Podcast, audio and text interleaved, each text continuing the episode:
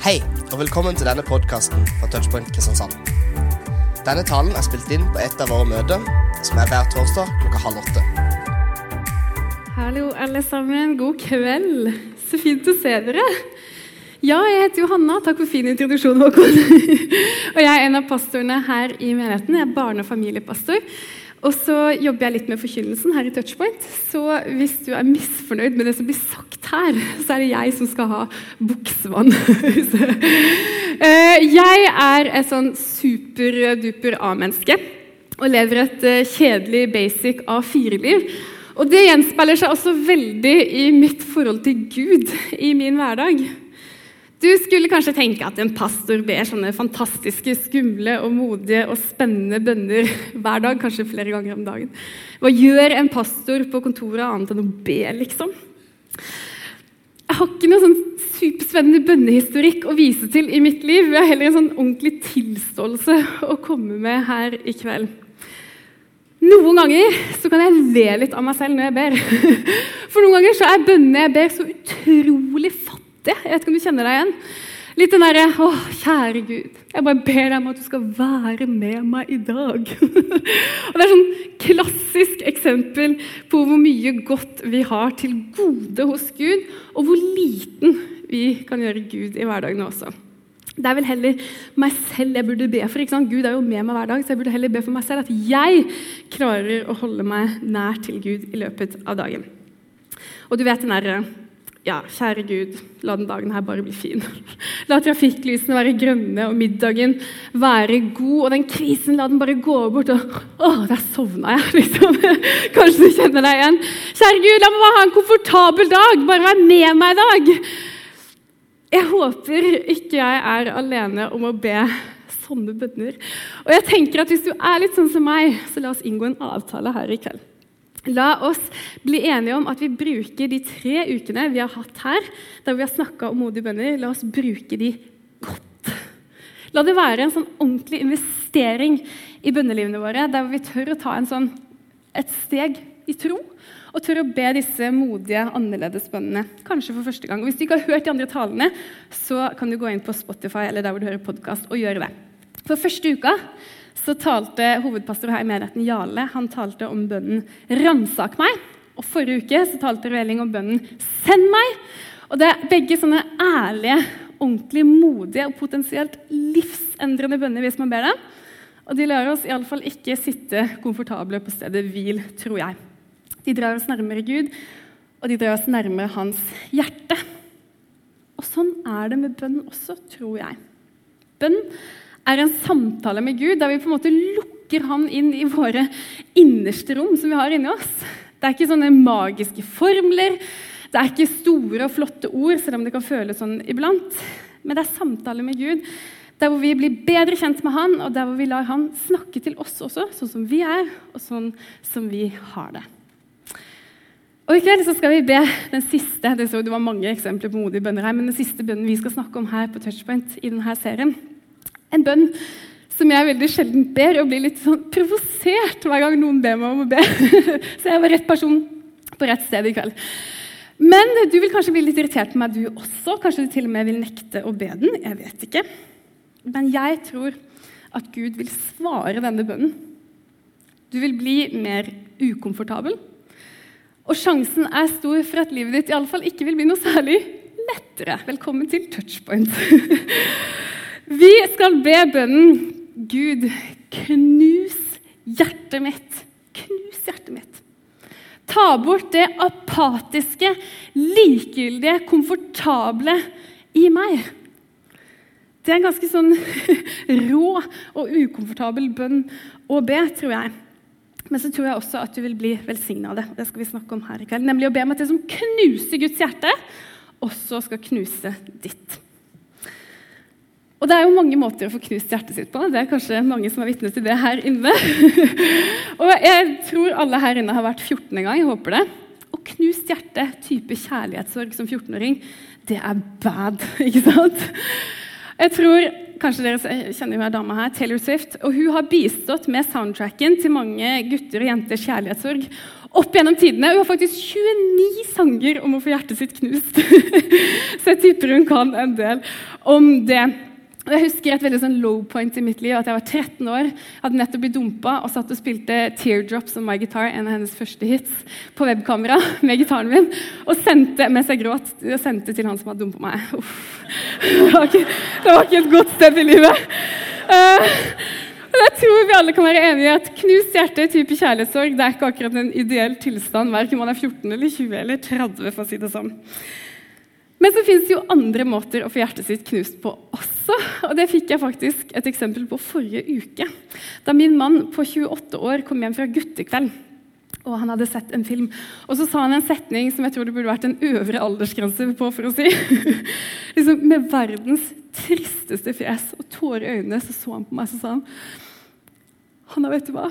Det er den beste zombiefilmen jeg noensinne har sett. Og grunnen, helt utrolig nok, det var at zombiene og liksom med dems liv og dems historie det knuste hjertet hans. Det sa han faktisk. Og jeg tenkte sånn, yes, det har en historie til salmen. Men han ble ordentlig trist. Det var skikkelig fælt. Jeg husker ikke hva han heter, ellers hadde jeg sikkert anbefalt den. Nei, jeg tror ikke jeg hadde gjort det. Men i dag skal vi snakke om en helt annen type knust hjerte. Vi skal snakke om hjertet som knuses av noe, ikke nødvendigvis noen, som er litt større enn Taylor Swift og zombier. En bønn til Gud om at han skal knuse mitt hjerte for det som knuser hans, for hans viktige saker. Og Nå skal du få høre fem sekunder av en sang. Dette er liksom lakmustesten på hvor lenge du har vært kristen. Så håper jeg du kjenner den igjen.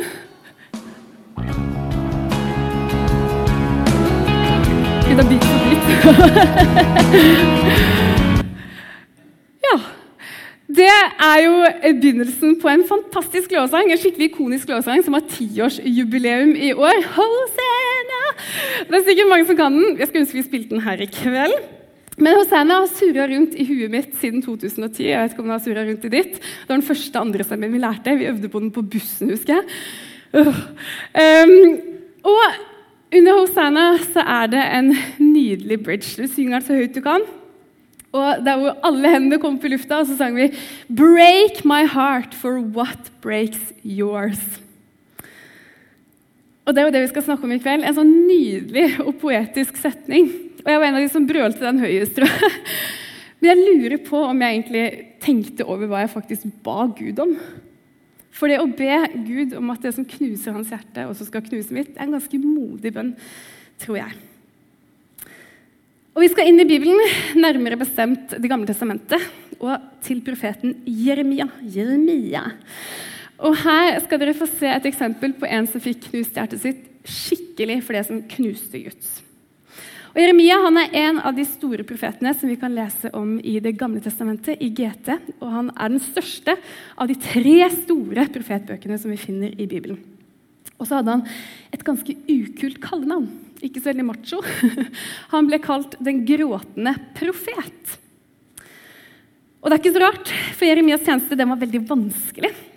Som profet ble han sendt fra Gud til folket for å gi dem viktige beskjeder fra han. Og De beskjedene gjorde at han både ble litt frykta og ganske forhatt blant folket. Og det var Flere ganger det var folk som prøvde å ta livet av han, han ble fengsla. Men så stoppa han ikke med å liksom levere ut de her beskjedene likevel. Han fortsatte. Han var tøff. Og det var jo ikke sånn at Gud bare var sur på folket og liksom tvang Jeremia til å si det til dem fordi Gud var en sur og kjip Gud. Men Guds hjerte knuste på vegne av et folk som utnytta svake mennesker, og som levde langt borte fra han, og som gjorde mye grusomt mot hverandre. Og så knuste Jeremias hjerte på vegne av Guds. Og Det ser vi gjennom hele boka hvis du tar en litt lesings på kvelden i kveld.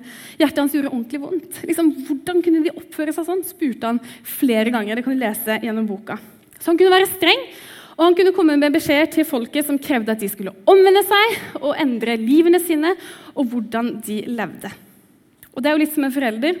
Du husker kanskje når du var liten og satt deg selv i en farlig situasjon, så kunne mamma eller pappa bli skikkelig sinna og det var jo ikke fordi du var dust, det var jo fordi at de ble ordentlig redde og de brydde seg om deg. De ville ditt beste. Så Sånn var det med Jeremia også. Og hjertet hans knuste på vegne av sitt folk sin vanskelige situasjon. Og så kan vi lese hvordan det påvirker Jeremia mange plasser. men jeg tenkte å komme med noen eksempler. Der man sier først i vers 18 i kapittel 8. Uhelbredelig sorg. Da er du trist, da kommer over meg. Hjertet mitt er sykt. Da har du ganske knust hjerte. Og så uttrykker han frustrasjonen sin litt lenger ned i vers 22. Finnes det ikke balsam i Gilead? Litt vanskelig språk. Er det ingen lege der? Hvorfor blir ikke folket, min datter, helbreda? Hvorfor endrer de seg ikke? Og Her uttrykker Jeremia sitt knuste hjerte, sin sorg over hans folk. Juda het folket hans, sin skjebne. Og Mange tekstlige ting når man leser der, det tyder på at det er Gud selv som gråter. Og Det er akkurat som at Gud sier Kom an! Hjertet mitt blør for de som ikke har en stemme til å forsvare seg med. Og da, også som kanskje nå, så responderte jo ikke folk så veldig bra på en sånn oppfordring om å endre seg og måten de levde på. ikke sant? Hvem er du til å forklare meg hvordan jeg skal leve? Men Jeremia han proklamerte likevel Guds hjerte for folket. At de burde gjøre noe med måten de levde på og behandla hverandre på, for det var til det beste for dem. Og så sørga han når de ikke hadde lyst til å gjøre det. Gjør det med tårer i øynene, står det. Og så finner vi en nytestamentlig parallell til Jeremias sorg i Jesus. I en tekst som du også kan lese på senga i kveld, i Lukas kapittel 19. Og flere steder så leser vi at Jesus sitt hjerte knuser på vegne av ting. Og i Lukas 19 så kan vi lese at hjertet hans knuses på vegne av folkets synd. Og så kan vi lese enda et eksempel i Matteus kapittel 9, og at Jesus får en sånn ordentlig, inderlig, gnagende magefølelse som vi også kan tenke på som et knust hjerte. Da leser vi at Jesus har vært i han har vært og vandra rundt og besøkt masse byer og helbreda folk og forkynt. Og så står det at da han så folkemengdene, fikk han inderlig medfølelse med dem. For de var forkomne og hjelpeløse som sauer uten gjeter. Jesus fikk en inderlig medfølelse. altså Hjertet hans knuste på vegne av folket, for de var trøtte, de var slitne, og de var som sauer uten gjeter. Altså ganske lost, kan man tenke. Og Jesu tjeneste, hele livet hans, hans død, hans oppstandelse, det var jo på vegne av Guds knuste hjerte for sitt folk, for oss. Det er ganske fint å tenke på. Og så ser vi så godt her at Når vi ser på Jesus, hvordan han var, hva han sa, hva som gjorde han sint, hva som gjorde han trist, og ser hvordan hjertet hans knuses for det, så ser vi hvordan Gud er. Og at det, han knuses på samme måte for, det, for folk i Det gamle testamentet. Og det er denne type knustheten som vi snakker om i kveld. Ikke den derre kløen, på en måte. Den følelsen du bare kan scrolle deg forbi når du har morgenrunden din på Insta eller nyhetene. Men vi snakker om den følelsen som du aldri får bort før du på en måte gjør noe ordentlig med det. Jeg vet ikke om du har kjent den følelsen før. Og når du kommer dit, at du har den ordentlige gnagende magefølelsen, så tror jeg den følelsen du har på vegne av Gud, er en sånn ordentlig ting som går imot det vi kaller feel good-kristendom. Jeg vet ikke om du har vært borti det før. Andakten og løftene om at vet du hva, du skal få være velsigna, du skal få være komfortabel hele livet, du skal bare få hvile i Norden. Jeg vet ikke om du har hørt det her i Kristiansand? Og så tror jeg at det vil bli veldig motsatt av den der vet du hva? Så tok jeg imot Jesus, og så ble alt bra. Og når man blir kristen, så blir alt bra. Jeg vet ikke om du har hørt det også, kanskje? Og jeg husker at En pastor sa en gang at hvis man tar bort alle de delene i Bibelen som handler om at Jesu etterfølgere ikke nødvendigvis skal være komfortable og leve velstående liv, så vil vi sitte igjen med et ganske tynt Nytestamentet. Og det tror jeg er sant. Ingen av oss, verken i Norge eller andre steder, er lovet et sånn superenkelt liv der vi skal få slippe å føle smerte og se smerte rundt oss. Og det er ikke sånn at når vi tar imot Jesus, så bare sier det liksom klikk, klikk, og så nailer man livet. på en måte. Men det er heller ikke sånn at Gud satte i gang verden, og så lot han menneskene leve sitt eget liv og liksom ødelegge verden sakte, men sikkert. Han har ikke noe sånn lydtett vegg fra seg og til menneskene. Hele Bibelen er en stor fortelling om Gud som prøver å tilbakeføre og redde sitt skaperverk. Og ikke forlate og, overse det. Og Guds hjerte knuses for mange ting. Lurer kanskje på hva det knuses for. Jeg tror det knuses for de som alltid har kjent han og elsket han, og de som aldri kjenner han, alle hans barn. Jeg tror det knuses for urettferdighet, for undertrykkelse, for sorg, for smerte, for tap og kampen så mange av hans barn kjemper i verden overalt, som vi ser. Og så tror jeg hjertet hans knuser når skaperverket hans avviser ham. Jeg tror at i en verden så knust og full av synd som den vi lever i, det er ganske mange eksempler på det, så knuses Guds hjerte for mange ting hele tiden. Og som etterfølgere av Jesus, som Guds barn, så kalles vi til å ta opp korset vårt og følge etter han. Og det lugger litt. Og Vi kalles også tror jeg, til å be denne bønnen Knus hjertet mitt, Gud, for det som knuser ditt. Men hvorfor skal vi det? What's in it for me? Liksom, det ble ganske dyster stemning da, syns jeg.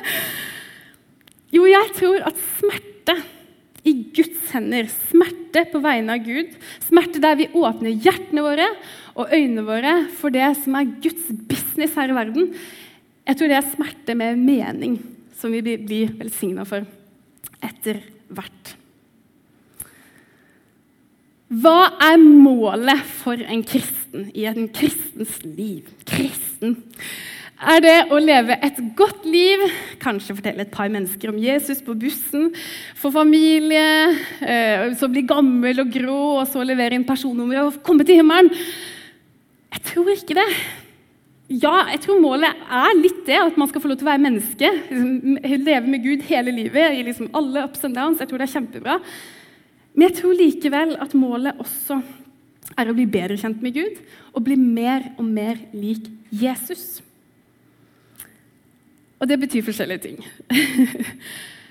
da jeg ble kristen, så opplevde jeg ikke sånn pang plutselig, men ganske gradvis at det skjedde en sånn endring inni meg. Jeg vet ikke om du har vært der. Jeg var ikke en sånn som ble ny helt og sånn over natta. Men jeg opplevde plutselig at det var andre ting som ble viktigere for meg enn de tingene jeg hadde satt først før. Og en annen sånn eh, GT-profet enn Jeremia, som heter Esekiel, jeg synes han beskriver det ganske bra. Det er Gud som sier det, hva som kan skje med oss. Han sier, 'Jeg gir dere et nytt hjerte, og en ny ånd gir jeg inni dere.' Jeg tar steinhjertet det er et ganske bra bilde, ut av kroppen deres og gir dere et kjøtthjerte i stedet. Og jeg tror Det var det her som skjedde med meg da jeg tok imot Jesus. Plutselig så fikk jeg noen nye briller å se verden med, og et nytt hjerte som plutselig brydde seg om noen ting som jeg kanskje ikke hadde tenkt så mye på før. Og jeg tror det er litt sånn at Når vi blir berørt av Jesus og hans liv, så kommer det spørsmålet om meningen med livet inn i et litt nytt lys. Så I stedet for å handle om oss selv, så begynner kanskje livene våre mye mer heller å handle om Gud. Og så blir det viktigste spørsmålet ikke nødvendigvis hvordan kan jeg få et godt og komfortabelt liv, men hvordan kan Gud bli stor i mitt liv? Og kanskje meningen med livet da blir litt mer sånn Hvordan kan jeg gi Gud ære for den han faktisk er i mitt liv? Og jeg tror at å komme dit kan gi oss en sånn ordentlig dyp og bærekraftig og livslang lykke, som er noe helt annet enn det verden kan gi. Og så tror jeg at ut ifra det synet på livet, og ut ifra en tillit til at Gud er god, og han vil meg mitt beste, så får vi be denne bønnen knus hjertet mitt, Gud, for det som knuser ditt. Og så tror jeg at det kan endre både vårt liv også litt klisjé sagt, og hele verden på en eller annen måte. Og det er mer ukomfortabelt å be sånne modige bønner enn å be liksom, Gud, vær med meg i dag. Men komfort har aldri fått meg til å gjøre noe særlig mye for andre.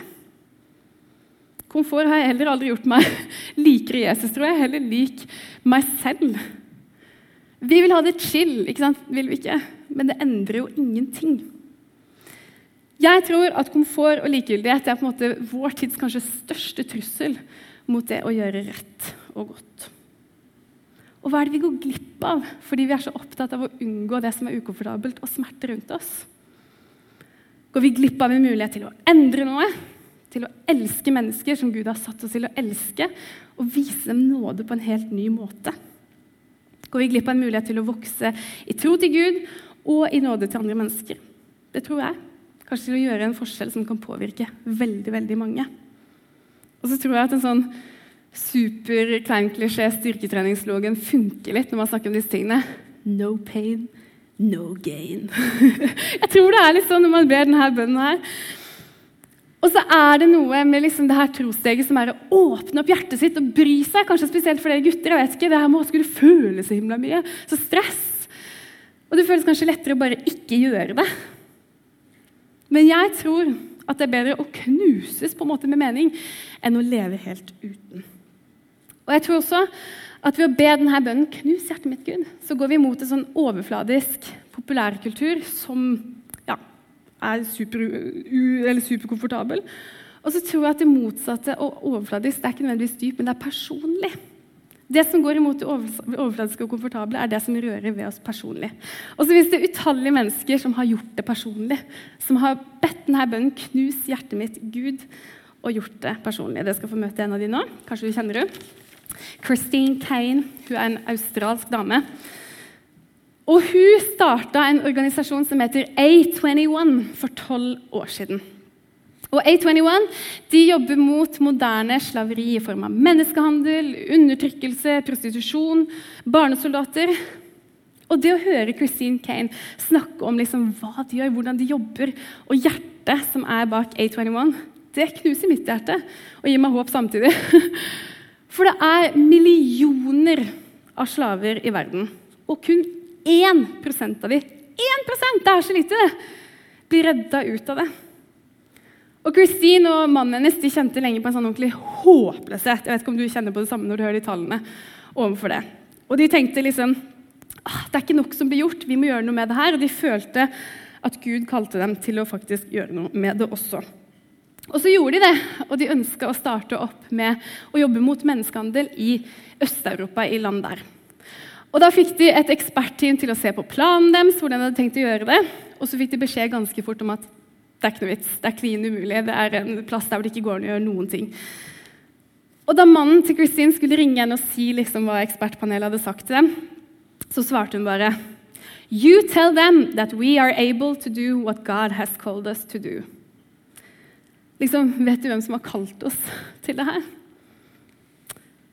Og I dag så har A21 baser i tolv land, og deriblant flere land i Øst-Europa. Boja. Og de jobber veldig hardt med å bekjempe moderne slaveri. Og de får møte knuste og såra mennesker med Guds kjærlighet, med nåde og hans evangelium. Og Tenk å få se liksom, de her menneskene som var slaver, få latteren sin tilbake. Og slutte å ligge i fosterstilling fordi de er så redde. Og så gradvis på en måte bygges opp til å bli hele igjen. Jeg tror det må være en fantastisk velsignelse. Og det skjedde, og det her skjer hver dag. Fordi at Christine og mannen hennes turte å be en bønn 'Knus hjertet mitt, Gud'. Og jeg tror at i år så har vi sett veldig mange mennesker knuses for det som knuser Guds hjerte. Altså 2020. Man kan bare si 2020, så vet alle hva man snakker om. Korona, rasisme, flyktningkrise, som har kommet opp på dagsordenen bare for noen uker siden. Og Da jeg forberedte meg til denne talen, her, så spurte jeg resten av staben liksom, hva tenker dere på når dere hører den bønnen 'knus hjertet mitt'. Og Da var et av forslagene som kom ganske kjapt, denne flyktningkrisen, som vi har sett så mye av her i Europa siden pika i 2015, tror jeg det var. Og den Flyktningkrisen den knuser hjertet hver dag, tror jeg, og den knuser Guds hjerte mest. Og liksom Bare for to uker siden er det ikke det, så brant jo Moria ned også. Den store flyktningleiren i Hellas. Og så nevnte en av de jeg snakka med, det her bildet av den drukne treåringen som ligger alene i vannkanten i Hellas. Jeg vet ikke om du husker det. Og Da sa jeg med en gang at nei, jeg kan ikke snakke om det bildet. For da begynner jeg bare å gråte på touchpoint. Og vi kan ikke vise det heller. For jeg kom ikke på noe annet enn det bildet av den nydelige lille kroppen som ikke ble mer enn tre år, som har knust mitt hjerte mer de siste årene. Ingenting annet som har gitt meg den der, å, ordentlig håpløse følelsen. Kan vi ikke bare gjøre noe? Og jeg vet ikke hva som gir deg en sånn følelse. Kanskje det, kanskje noe helt annet. Det er ikke noe fasit for hva som skjer når vi ber denne bønnen 'Knus hjertet mitt, Gud'. Men jeg tror én ting er sikkert, og det er at du vil settes i bevegelse. Nærmere Gud og nærmere mennesker. Det kan være at Gud kaller deg til å bære noens byrde, kanskje. Kanskje han gir deg øyne som ser mennesker med en medfølelse som sier mer enn liksom 'tenker på deg'. Og det kan være han kaller deg ut av det vante, faste og inn i noe som er helt fremmed og ukjent. Jeg vet ikke. Men jeg tror jeg vet én ting, og det er at du vil bli velsigna av det. Ja, hvis vi ber denne bønnen, så tror jeg vi vil oppleve å se knuste mennesker. Vi vil oppleve å se smerte rundt oss og kanskje måtte gå noen ekstra steg for å på en måte gjøre en forskjell. Men jeg tror også at vi vil se Guds herlighet når vi ber denne bønnen. Og jeg tror kanskje vi vil få en dypere mening med livet også. Hvordan Gud kan komme inn i menneskers liv, i ødelagte familier, i hjem, og fikse dem med lys. Hvordan han kan på en måte kalle sine barn som er så langt borte, og reise dem opp igjen til et liv med han. Dette er ikke avansert kristendom. Det er ikke for munker og nonner og misjonærer, selv om du kanskje sitter og føler det eller har tenkt det iblant. Men jeg tror at det er for den hverdagskristne som deg og som meg, som har lyst til å bli bedre kjent med Gud og lære han å kjenne på dypet. La oss se verden sånn som Gud ser den, i sin helhet. La oss ikke søke verdens versjon av lykke og mening med hele håpet og gleden som finnes i å tjene Jesus og vandre hele livet mitt med Jesus. Alle ups and downs. Og la oss prøve å be denne bønnen som knuste Jeremias hjerte, også knus hjertet mitt, Gud. La oss prøve å være Jesu hender og føtter på jorda. Jeg tror vi vil vinne på det. Og Christine Kane hun sier noe kjempefint som jeg har lyst til å avslutte hele denne taleserien med. Hun sier det ikke på norsk, men jeg oversatt det. Det kommer ikke på skjermen.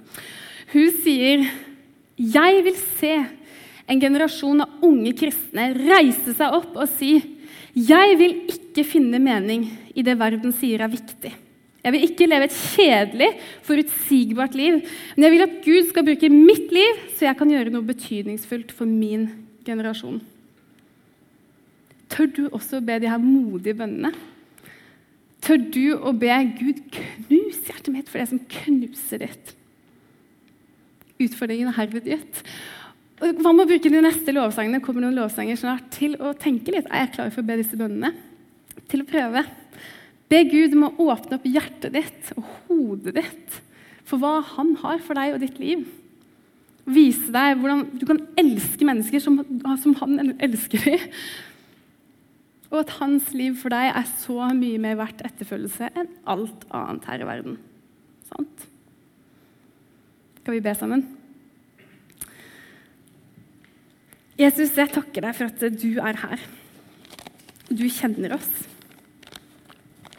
Og jeg takker deg for at uh, uansett hva vi kom inn hit med i dag, så, så var du her før oss, og du venter på oss. Og jeg takker deg for din nåde mot alle som er her inne.